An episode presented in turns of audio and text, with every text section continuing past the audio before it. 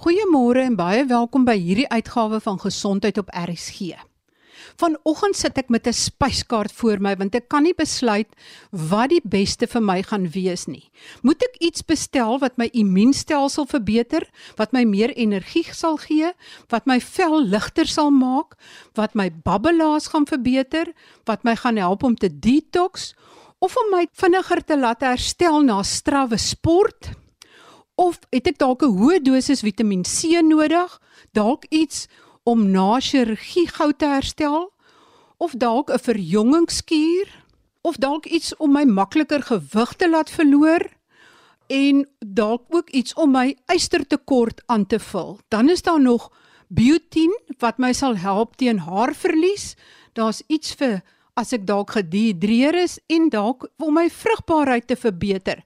En hierlaas Hierso is ook iets op die spyskaart om my libido te verhoog. Waarvan praat ek? Dit is deesdae die inding, 'n intraveneuse of 'n binneaardse vitaminterapie. Jy gaan na 'n vitaminbar toe of 'n IV bar of 'n IV lounge. Sommige daar waar jy uit die gim uitkom of hulle kom ook na jou toe Dit is mobiele eenhede en dan kan jy kies op watse drip jy gaan. Wat word binneaars in jou gesit sodat jy dan onmiddellik kan begin om gewig te verloor of jou vrugbaarheid verbeter of van jou babbelaars te herstel. Ja, daar's 'n hele magdom dinge uit die spyskaart om te kies. Ek gesels vandag met professor Tes van der Merwe baie bekende endokrinoloog in Pretoria, Johannesburg streek en sy is wêreldbekend vir haar kennis en kundigheid oor die metabolisme van die mens. En ons gaan vandag kyk na die belang van hierdie IV kroë. Professor van der Merwe, hoe werk hierdie intraveneuse vitamien toedienings?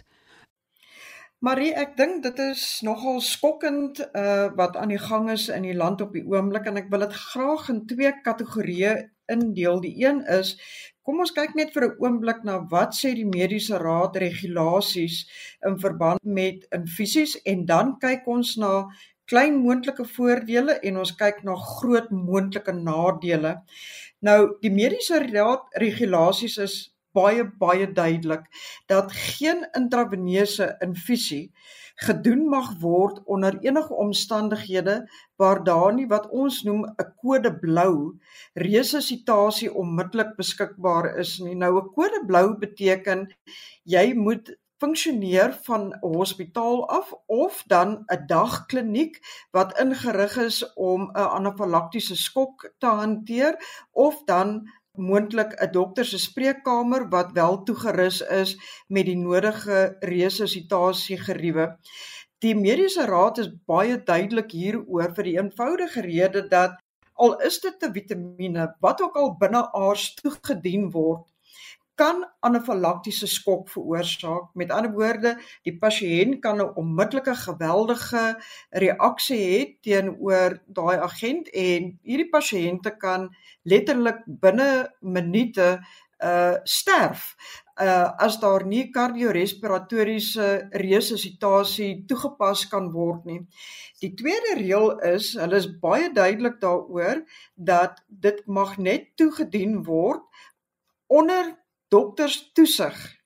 Met ander woorde, dit is nie goed genoeg om te sê dat die verpleegster gaan net uit na my huis toe en dien 'n uh, infusie uh toe waar daar nie noodwendig toesig of beheer was uh, deur die dokter nie. Dit beteken nie noodwendig dat die dokter moet noodwendig die hele tyd by die infusie staan nie, maar daar moet vorms van bloedtoetse beskikbaar wees waarna gekyk is waarin spesifieke tekorte geïdentifiseer was en daar moet 'n motivering kan wees hoekom daai spesifieke uh vitamiene, mineraal of dan wat nou meer populêr geword het uh onlangs een van die groot sterk antioksidante toegedien word. So dit is 'n waagkans vir mense om infusies te bedryf op hierdie manier want sou iets met die pasiënte gebeur is hulle basies onverdedigbaar. Nou, as jy kyk na wat populêr geword het Dit is niks anderste as konkoksies van uiterste hoë doserings van vitamiene, veral Vitamiene C, dan tot 'n mindere mate al die B-vitamiene, die hele groep van B-vitamiene en dan in sommige gevalle minerale en dan is daar nou die groot nuwe kategorie van die antioksidante met ander woorde die glutamiene, die nikotien of die nikotienamide ensovoorts. In die eerste plek wil ek net sê dat 'n oordosering van vitamiene is net so skadelik as 'n onderdosering van vitamiene. Kom ons kyk na 'n interessante voorbeeld Marie in COVID toe ons begin het, toe ons so gesukkel het en jy sal daai dae goed onthou want ek en jy het gesels oor COVID was die wêreld se aanbeveling byvoorbeeld dat ons tot 2000 mg Vitamiene C per dag moes inkry om te dien as 'n tipe van 'n antioksidant om die liggaam te help om daai infeksie moontlik te bestry. Nou kyk ons na regulasies 'n paar jaar later waar ons binne 18 maande van die eerste riglyne af afgekom het na doserings van Vitamiene C niks meer as 500 mg nie want die uitkomsdata was van so aard dat dit gewys het dat in sekere persone kan daai geweldige sterk antioksidant toediening kan eintlik die infeksie vermeerder. Nou gaan die luisteraars sê maar hoe is dit moontlik? Wel wat gebeur het is jy het eintlik jou immuniteit op 'n verwronge manier gaan beïnvloed om op te tree op 'n sekere manier wat nie noodwendig in almal se guns werk nie en in baie gevalle dink ons het ons in retrospek selfs COVID infeksies vererger deur daai geweldige sterk antioksidante toe te dien eerder as om dit te verbeter. So wees net baie aan die versigtige kant.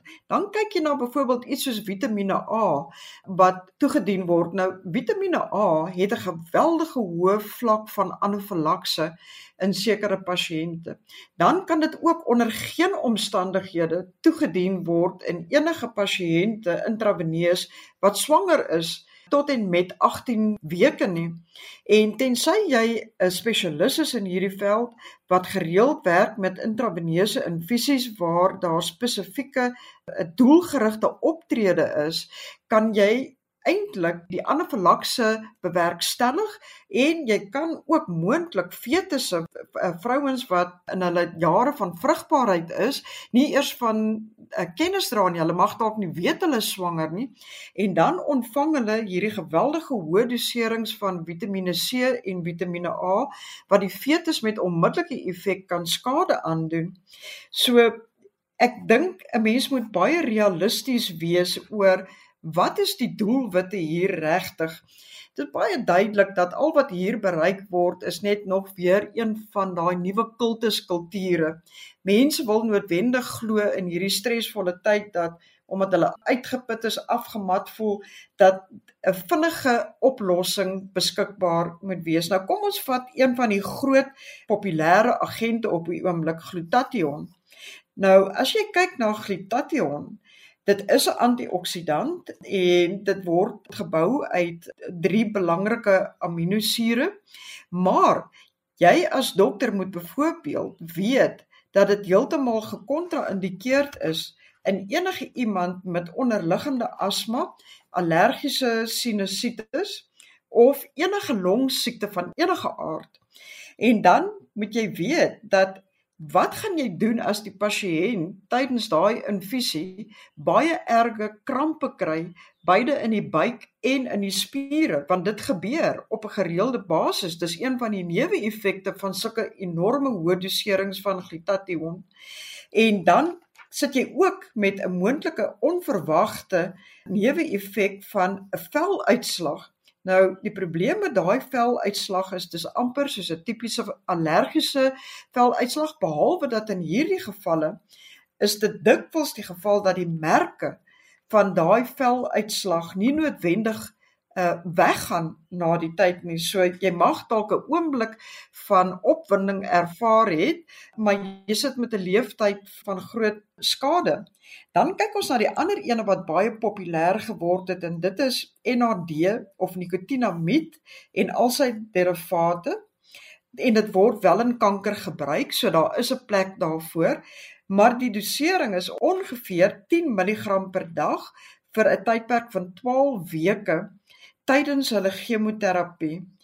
Die doserings wat aanbeveel word deur hierdie soos jy tereggestel het vitamien kroe want dit is niks anders as 'n vitamien kroeg nie want jy kon net sowel jou eie drankie oor die toonbank bestel het want jy kan letterlik sê op hulle menu ek wil dit hê of ek wil dit hê is nie gebaseer op enige gronde wat mediese regverdiging daarvoor gee nie. Nou, hoekom is daar soveel bekommernisse onder die medisy oor hierdie onverwagte NAD, NADH intraveneuse infusies wat nou oral reg deur die wêreld skielik deurgegee word na mense toe as as 'n wonderkuur vir jou energievlakke. En dit is omdat daar nou uitkoms studies is wat baie duidelik gewys het dat dit verhoog jou vatbaarheid vir kolonkanker tussen 5 en 7voudig. So as jy nie 'n versigtige geskiedenis het van hierdie pasiënt of die moontlike vatbaarheid of die familiegeskiedenis van hierdie pasiënt nie, het jy wel 'n baie sterk korrelasie teen die toediening van hoë hoeveelhede van NAD en die ontwikkeling van kolonkanker. En dan op 'n miskien kleiner, miskien meer ironiese vlak, dit lei tot uiterste haarverlies oor die lang termyn. So jy mag dalk vandag lekker opgewonde voel oor jou infusie, maar die nagevolge wat jy gaan hê is 'n voortsleepende haarverlies wat onomkeerbaar is. En dan word daar ook in die literatuur baie geskryf op die oomblik oor sogenaamde brain fog. Die pasiënte sal vir jou sê dat selfs tydens die infusie en hulle dit agtergekom terwyl dit gebruik was in kankerpasiënte, kry hulle 'n snaakse gewaarwording. Hulle kry dikwels hoofpynne en dan kry hulle hierdie tipe van 'n brain fog wat oor hulle kom wat tot dae kan duur. Nou die effek van NAD, NADH op breinreseptore en neurologie word nou maar eers bestudeer. Ons weet eintlik nie watter effek dit werklik het op jou brein in daai geweldige hoë doserings nie. So alles en alles gesproke as jy daarna kyk, Marie, sit ons met iets wat nou weer in 'n kultus verander het. Mense wat weer dink dat 'n hele jaar se moedeloosheid afgematheid ensovoorts gaan met een of ander wonderkuur onmiddellik herstel kan word. En dit is ongelukkig so dat dit is baie moeilik om hierdie kroe, hierdie infusiekroe te reguleer want hulle is nou so beskikbaar dat mens weet amper nie waar om te begin om hierdie gekke spul tot 'n einde te bring nie. Anders as om vir die pasiënte te sê, Kom ons vat 'n voorbeeld van die uitbuiting waardeur jy jouself sit. Jy kan tot R1400 betaal vir hierdie sogenaamde infusie. Nou, ek wil net hê dat die luisteraars moet baie duidelik verstaan, hierdie mense gaan terug en hulle sit 'n rekening deur vir wat ons noem consumables. Met ander woorde, hulle gaan terug en hulle gaan consumables teen jou mediese fonds boek wat teen jou spaarplan gaan afgaan. En jy put punt nommer 1 jou spaarplan uit en punt nommer 2 moenie dink dat dit nie 'n vorm van bedrog is nie.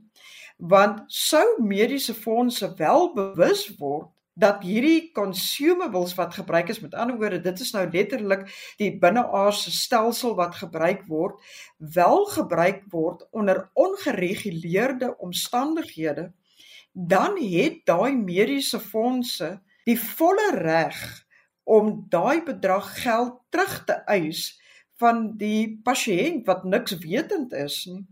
En die bedrag wat hulle vra is nie in lyn met wat gevra word vir 'n infusiestelsel nie. As jy kyk na die bedrag van wat 'n Vitamiene C ampulle byvoorbeeld kos, is daar geen korrelasie tussen dit wat hulle op hulle pryslyse sit en dit wat jy daarvoor betaal nie. So jy betaal moontlik tot 1400 selfs 2000 rand om geld te sit in iemand anders se sak wat dan mediese bedrog pleeg in jou naam en aan die einde van die jaar gaan hou hulle Kersfeesvakansie en jy sit met al die neeweffekte die spaarplan wat uitgeput is by jou mediese fonds wat jy nie geweet het na jou kant toe gaan kom nie en 'n moontlike verhoogde vatbaarheid vir kanker. My gas vandag is professor Tes van der Merwe, baie bekende endokrinoloog in Gauteng en Tshwane. Sy word geag as 'n wêreldkenner op die gebied van die metabolisme van die mens.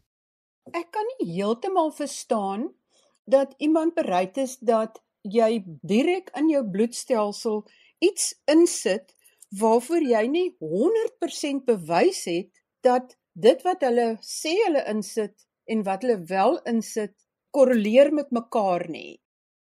Jy's weer eens reg, maar dit is hoekom die mediese raad daarop aandring dat hierdie infusies onder baie spesifieke toestande toegedien moet word. Met ander woorde, daar's byvoorbeeld 'n basiese en 'n baie eenvoudige reël soos dat die ampulle moet voor die pasiënt oopgemaak word. As dit in 'n geregistreerde infusiekliniek is, soos wat jy in baie hospitale vind, en dit moet aan die pasiënt gewys word voordat dit kan ingeplaas word in die draer vloeistof of dit nou natriumkloried is of watter draer toestel jy ook al gebruik dit is wetgewing dat daai ampulle aan die pasiënt gedemonstreer moet word voordat so 'n infusie aan 'n pasiënt kan toegedien word. Dit gaan maar alles net oor opvoeding van ons luisteraars, Marie, om vir hulle te sê dat kom net op daai stadium van jou lewe waar jy jou ore uitleen aan gekke spulle. Jy sit met 'n potensiële skade en permanente skade wat jy jouself kan toedien want onthou jy's heeltemal reg maar dit wat in jou bloedstroom ingegaan het is in. Daar is nie 'n manier waarop jy kan sê wel ek trek dit nou weer vinnig terug uit jou bloedstroom uit nie. Daar is ander maniere om jou te help met jou moegheid. Daar is ander maniere om jou te help met jou lusteloosheid. Daar is ander maniere om jou te help met jou stres. Dit is nie 'n vinnige proses nie. Dit is wat ons noem cognitive behavior modification therapy. En daar is baie sielkundiges wat vandag dit baie suksesvol aanlyn doen om vir 'n pasiënt te leer hoe om sekere riglyne in hulle eie lewens in te bring. Boundaries is vir my so mooi woord, grense wat ons as mens in die huidige wêreld so maklik oorskry. Ons oorskry so maklik die hoeveelheid tyd wat ons werk, die stres wat ons kan dra, die familie wat 'n impak op ons het, besighede wat 'n impak op ons het. En dit is so 'n korttermyn uitkyk om te sê dat 'n infusie gaan hierdie probleme vir jou oplos want dit gaan nie en dit gaan jou nie meer energie gee nie en dit gaan jou nie meer lewensvatbaarheid gee nie en dit gaan jou nie ouer maak uh soos wat hulle beloof nie. Net so op daai noot Luisteraars moet besef dat hoe oud jy word of nie word nie as die Here ons spaar is geneties bepaal. Met ander woorde, as jy die dag gebore word, is dit klaar in jou genetika vasgelê dat jy het die vermoë om te gaan tot op so of so ouderdom. Nou dit is so dat party sal daai ouderdom haal en party gaan nie daarby haal nie en die wat nie daarby haal nie, het dikwels gesondheidsprobleme ontwikkel wat dan veroorsaak dat hulle 'n verkorte lewenstydperk het.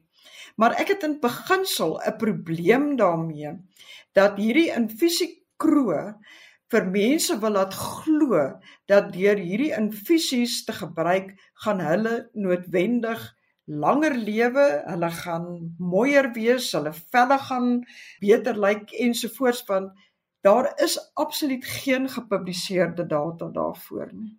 Professor van der Merwe, ek sien ook op die advertensies van die infusiekroë dat baie van die mengsels wat hulle toedien is eintlik dieselfde of dit nou sê maar is 'n jet fuel of om jou energie te gee of jou sport endurance te verhoog. Dit is baie keer dieselfde tipe goed wat herhaal word. Dit is korrek. Hulle teer op ons vatbaarheid, Marie. Ons het so vatbaar geword vir ydelle beloftes. Jy's heeltemal korrek. Daar's een van hierdie in fisiekroe wat byvoorbeeld vir jou sal sê dat jy kan jou vel laat verwit deur hierdie NAD infusies uh, te gebruik. Met ander woorde, jy kan gaan van iemand met 'n dowwerige vel na iemand wat lyk soos 'n Japaneese porseleinpop. Weereens, gebruik net jou logika. Jou vel is ook geneties bepaal. Hoe jou haarkleur lyk, hoe jou velkleur lyk, hoe jy gaan lyk op 70 is geneties bepaal. Ons is nie gebore in hierdie land met velle wat lyk soos Japaneese of Taiwanese porseleinpoppe nie. Nou raak ons ook aan 'n ander interessante onderwerp, hierdie hele onderwerp van sogenaamde K-beauty, Korean beauty het 'n obsessie geword in die media. Dit is wat wêreldwyd gesien word op die oomblik as die mees voortreffelike voorkoms Ons luisteraars kan gerus 'n bietjie internet navorsing gaan doen en dit word deur baie modehuise, deur baie grimeer en velprodukvervaardigers voorgehou deesdae as die utopia wat almal gaan nastreef om letterlik soos 'n wit porseleinpoppie te lyk daar's absoluut geen waarheid gekoppel aan enige van hierdie beloftes wat gemaak word nie en jy gaan dit kry baie meer onder die jong mense. Jong mense is baie vatbaar vir wat tans in die mode is. Wat is in die mode? Wat is nie in die mode nie? Wanneer ek sê jong mense, selfs tot in hulle middeljare, daar is sekere kultusgroepe en kulture waar dit die inding is om soos iemand te lyk wat kei beauty het. En ons moet wegkom van daai dinge af want vir my is dit 'n kwessie van daar soveel voorkomste wat so ongelooflik pragtig is oor so 'n verskriklike wye spektrum dat 'n mens moet liewer kyk na wat is jou bates? Wat kan ek verbeter en dan hou by wie jy is as mens en liewer die waarheid in jou siel gaan soek.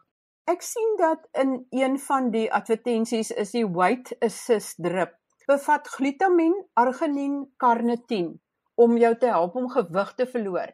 Maar sover ek weet, het geen mediese navorsing al ooit getoon dat enige van hierdie stowwe jou kan help om gewig te verloor nie. Ek moes daar 'n bietjie lag, maar jammer dat ek daar gelag het, maar ek meen daar is iets daaraan wat so lagwekkend is. Ja, dit bevat sekere aminosure, maar waar in jou lewe kan 'n kombinasie van sekere aminosure jou help om gewig te verloor. Gebruik net jou eie logika.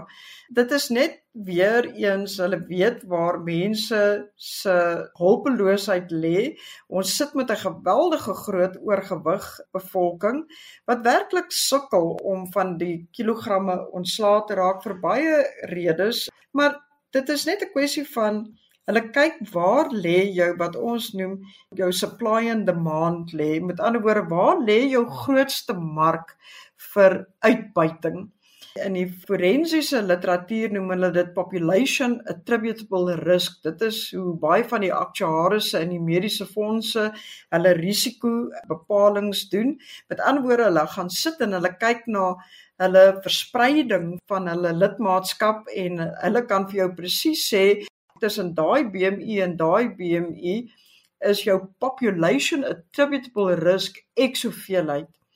Nou, as jy kyk na Suid-Afrika, ons sit met 'n geweldige oorgewig en obesiteitsprobleem. Moenie vir een oomblik dink dat hierdie infusiekroo het nie ook gaan kyk na waar kan hulle grootste uitbuitingsmark lê nie. Hulle weet wel dat dit gaan wees iewers tussen daai 40 en 60% van ons bevolking.